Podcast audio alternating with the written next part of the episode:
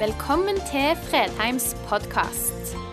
For mer informasjon og ressurser, besøk oss på fredheimarena.no, eller finn oss på Facebook.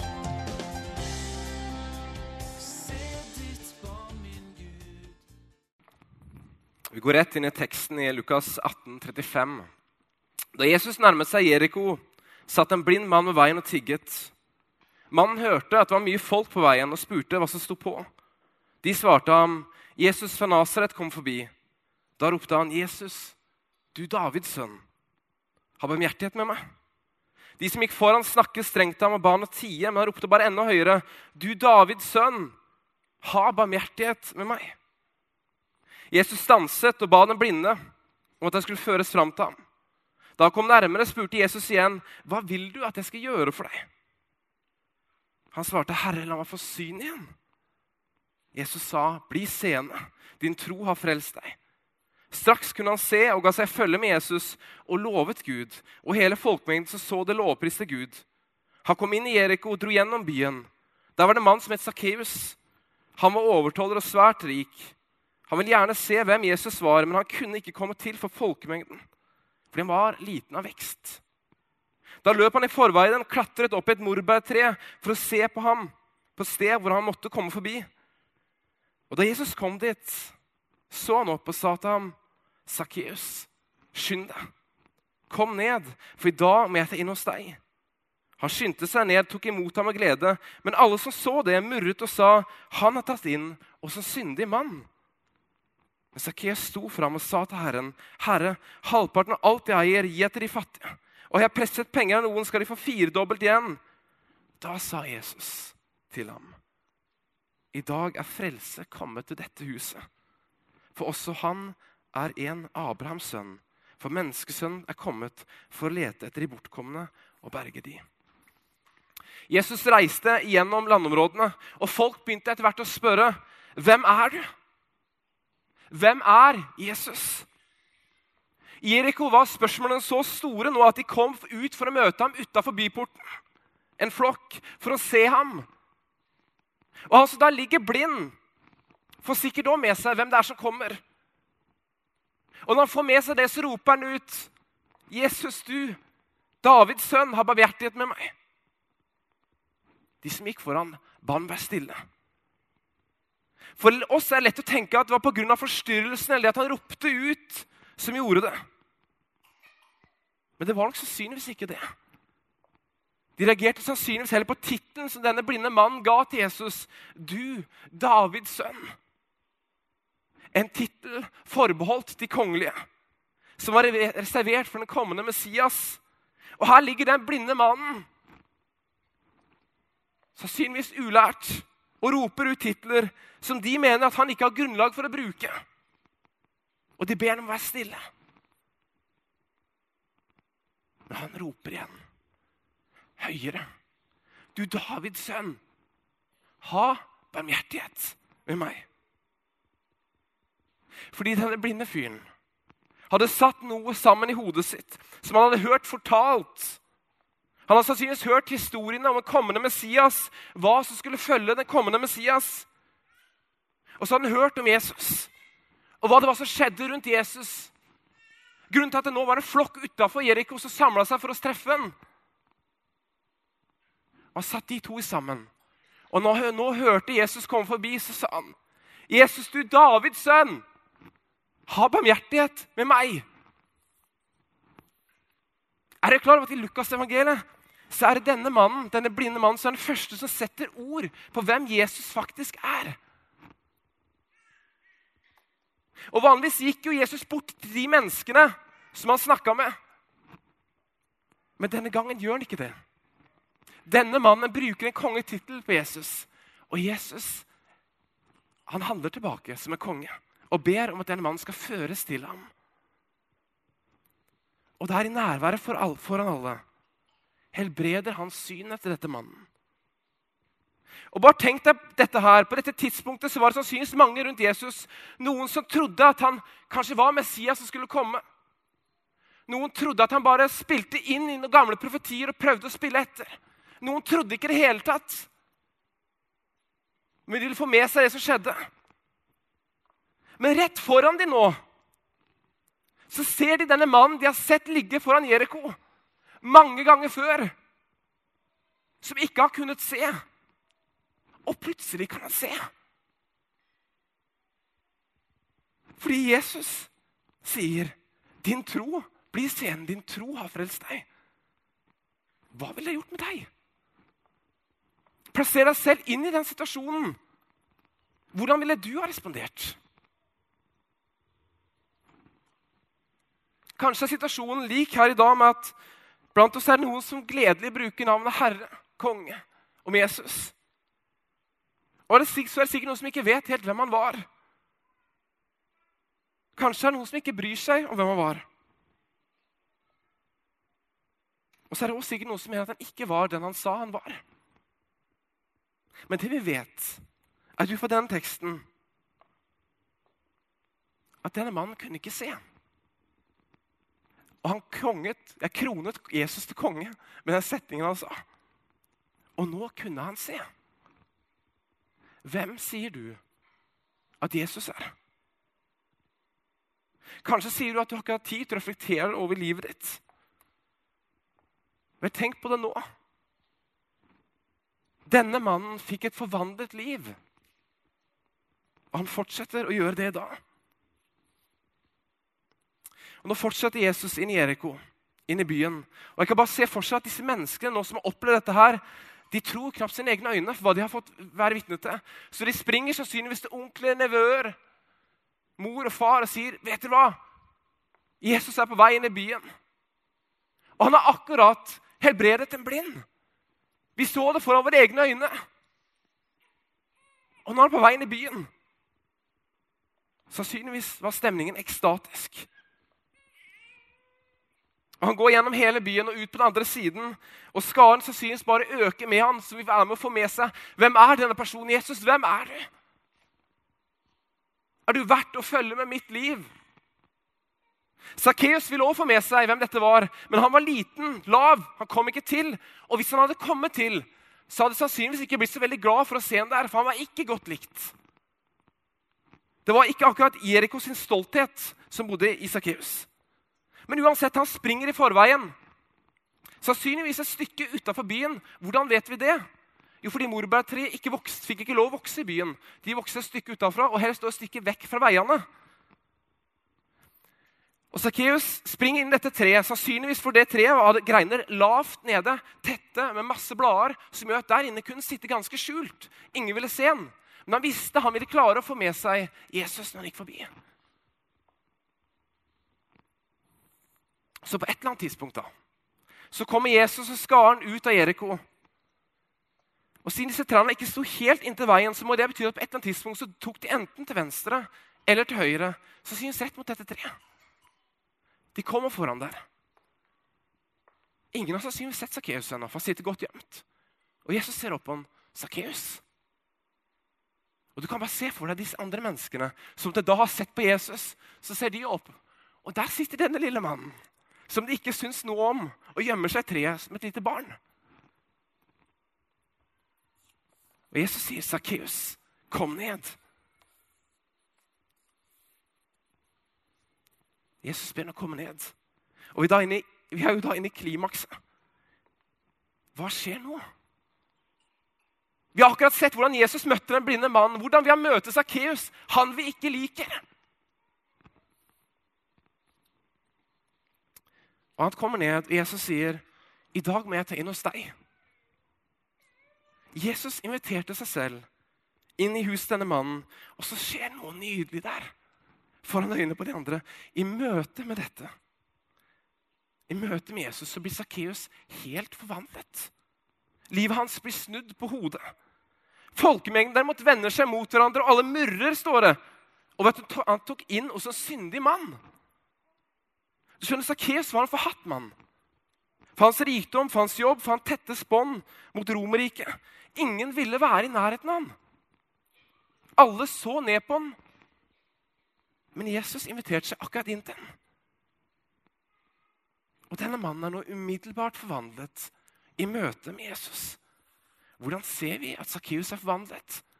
For plutselig vil han gi halvparten av det han har, til de fattige. Og hvis han har presset ut penger av noen, så skal de få firedobbelt tilbake. Det er jo bare et problem for Sakkeus, og det er det at han har presset penger ut av veldig mange. Vi vet at Det romerske imperiet betalte ikke sine tjenestemenn nok, som gjorde at det lå mellom korta at disse tjenestemennene de måtte ta bestikkelser. Og Sakkeus var en del av dette systemet. Dette er det samme systemet som lever i dag rundt omkring i verden. At de som gjør papirarbeidet, ikke får nok betalt. Og så ender de opp med å ta bestikkelser av folk. Jeg hadde venner som bodde i Nepal i flere år. Eh, og En av de historiene fortalte var en av de som var nede og besøkte han et år. Eh, og skulle ta motorsykkellappen der inne. De kunne ikke forstå hvorfor han ville ta lappen. Fordi han ble tilbudt gang på gang på gang kan du ikke bare legge noe penger på bordet. Så har du den lappen. Men han ville prøve å gjøre redelig. Dette eksisterer i dag. Dette er hva som skjer når staten underbetaler de som gjør jobben. Og Hvor høyere du kommer opp i det systemet, jo høyere bestikkelser kan du ta. Og Sakkeus var på toppen av det systemet som overtaler. Sannsynligvis var han drevet av begjær etter mer. Så dette kom til å koste for Sakkeus. Men hjertet var forvandlet. Han ønsket en annen retning på livet sitt. Så når denne flokken nå som står rundt Jesus, hører at Sakkeus sier til Jesus har jeg presset penger av noen, så kommer den sannsynligvis gjengen som står rundt seg til å se på hverandre. Har du presset penger av noen? Du har jo presset penger av oss alle! Det interessante spørsmålet blir likevel hva går gjennom den ho hodet på den gjengen som står rundt nå? Som var misfornøyd for et lite øyeblikk siden med at Jesus sa at han skulle ta inn Sakkeus. Sannsynligvis går to tanker gjennom hodet. For det første så tenker de sikkert hvis jeg skal få tilbake de pengene jeg har blitt snytt, så bør jeg gjøre det her og nå, for nå er Sakkeus grepet av ånden. Og det andre som nok òg lå der Hva har skjedd med et menneske de trodde de kjente, eller visste hvem var for et lite øyeblikk siden? Hva har skjedd med hjertet hans? Hvor mye kan et hjerte forvandle seg på et lite øyeblikk? Så de har akkurat sett en blind mann som kunne, nå kan se, som de sannsynligvis ikke kunne tro. Og nå ser de dette. Et hjerte som blir totalt forvandlet foran øynene deres. Jeg er jammen ikke sikker på hvem av de to som gjør det sterkeste inntrykket. Sakkeus hadde møtt Davids sønn, den lovende kongen. Og når du virkelig møter han, så forvandler han hjertet ditt. Bibelen og verden for øvrig er fulle av disse historiene. Se på Paulus. Et møte på vei til Damaskus snur livet hans opp ned. Han går fra å bli en av frontmennene for å følge kirken og ta livet av deres ledere, til å være den som bringer ut evangeliet til folkeslagene. En fullstendig reorientering av hjertet. I Esekiel 36, 26 taler Gud til sitt folk i eksil i Babylon. og Han forteller om det som skal komme. Han sier, 'Jeg gir dere et nytt hjerte, og ny ånd gir jeg inni dere.' 'Jeg tar steinhjertet ut av kroppen deres og gir dere et kjøtthjerte isteden.' Sakkeus fikk erfare nettopp det her og nå. Hjertet hans ble forvandlet. Jeg hørte en historie ganske nylig. For jeg som driver med kristent arbeid i Nigeria, eller over hele verden, men da var han i hvert fall Nigeria på det tidspunktet her, og han tok taxi. Og når han var i Nigeria, så pleide han å spørre til navnene på de som kjørte taxi, eller rundt omkring i verden, spørre til navnene på de som kjørte taxien, for å prøve å finne ut hvor de kommer fra. Eh, og Da begynner den taxisjåføren å fortelle hvor navnet kommer fra. at Han har de navnene han har pga. at han er født inn i en kristen familie. Og Han hender seg han her da, ja, så du er kristen? Nei, det er ikke sånn. Jeg hater Jesus. Jeg hater Gud. Jeg hater kirken. Og Så begynner han å fortelle historien om hvorfor han hater Jesus, hater Gud, hater kirken. Og Mannen i baksetet han sier jo det at eh, jeg forstår det. Det høres ikke veldig mye kristent ut, de episoden du har opplevd i livet ditt. Men så vender han det spørsmålet. Så spør han har du noen gang eh, opplevd at noen prøver å betale dem falske penger. etter turene på taxien? Han svarer ja, det skjer hele veien. Jeg må følge godt med. Men Betyr det da at når jeg nå etterpå kommer til å rekke ut en nigeriansk naira, som er valutaen der nede, så vil du ikke ta imot de pengene fordi du har dårlige erfaringer med betalingen fra turen tidligere? Poenget var dette. Det kan godt være det gjelder for noen her i dag òg. At det er historier, erfaringer, falske bilder og tanker om hvem og hva Gud er, som forstyrrer, og som har fått deg til å ta avstand fra Jesus. Og tenk, det der, det er ikke noe for meg. Davids sønn, den lovende kongen Jesus Kristus, han forvandler våre liv. Han gjorde det med den blinde mannen i Lukas 18. Han gjorde det med Sakkeus i Lukas 19. Og han gjør det med meg og deg gjennom et helt liv. Hvis vi lar ham få lov til å forvandle hjertene våre. Så vil det alltid finnes historier, bilder, eksempler. Folk som kan få deg til å stille spørsmål ved hvem Jesus er. Og Da må du ta et valg. Skal jeg bedømme hvem Jesus er ut ifra de historiene, ut ifra de erfaringene jeg har langt tilbake i tid? Eller skal jeg finne ut på egen hånd gjennom faktisk å våge meg med et møte med ham? Jesus, hvem er du? Du skjønner, Det er ikke sikkert den blinde mannen eller Sakkeus hadde et spesielt godt bilde av de troende jødene på den tida hvor Jesus kom. Sannsynligvis ikke. Men de fikk livet sitt forvandlet i møte med ham. Hør på dette nydelige verset fra 2. Korinterbrev 3,18. Og vi som uten slør for ansiktet ser Herrenes herlighet som i et speil. Vi blir alle forvandlet til dette bildet. Fra herlighet og til herlighet. Og det skjer ved Herrens ånd. Han forvandler oss. Han startet livet med de syv barna her i dag. Men han tok det inn i sitt rike. Men han stopper aldri med å forvandle oss. Han ga oss et nytt liv. På samme som han gjorde med de to som vi akkurat har lest om. Men dette er spørsmålet. Jesus, hvem er det? Har du besvart det i livet ditt? Eller har du bare latt det gå forbi? Har det blitt et spørsmål du ikke gir svar på? Fordi det er erfaringer som ligger der som tenkte at uinteressert. Men du har en ny mulighet i dag til å stille spørsmål. Jesus, vis meg hvem du er.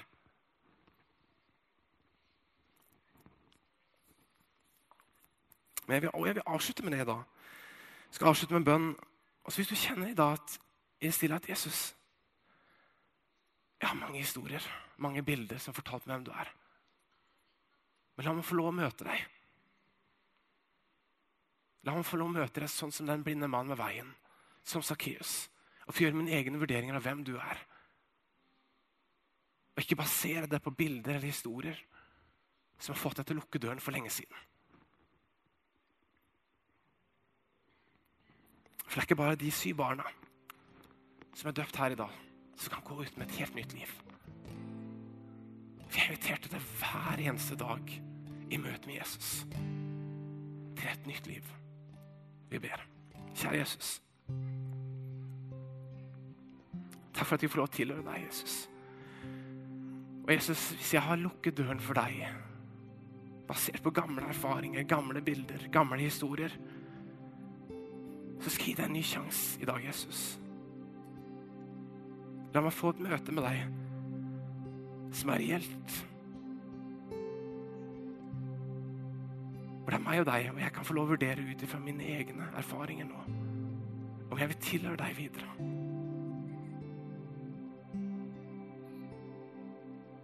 Jeg ber Den hellige ånd.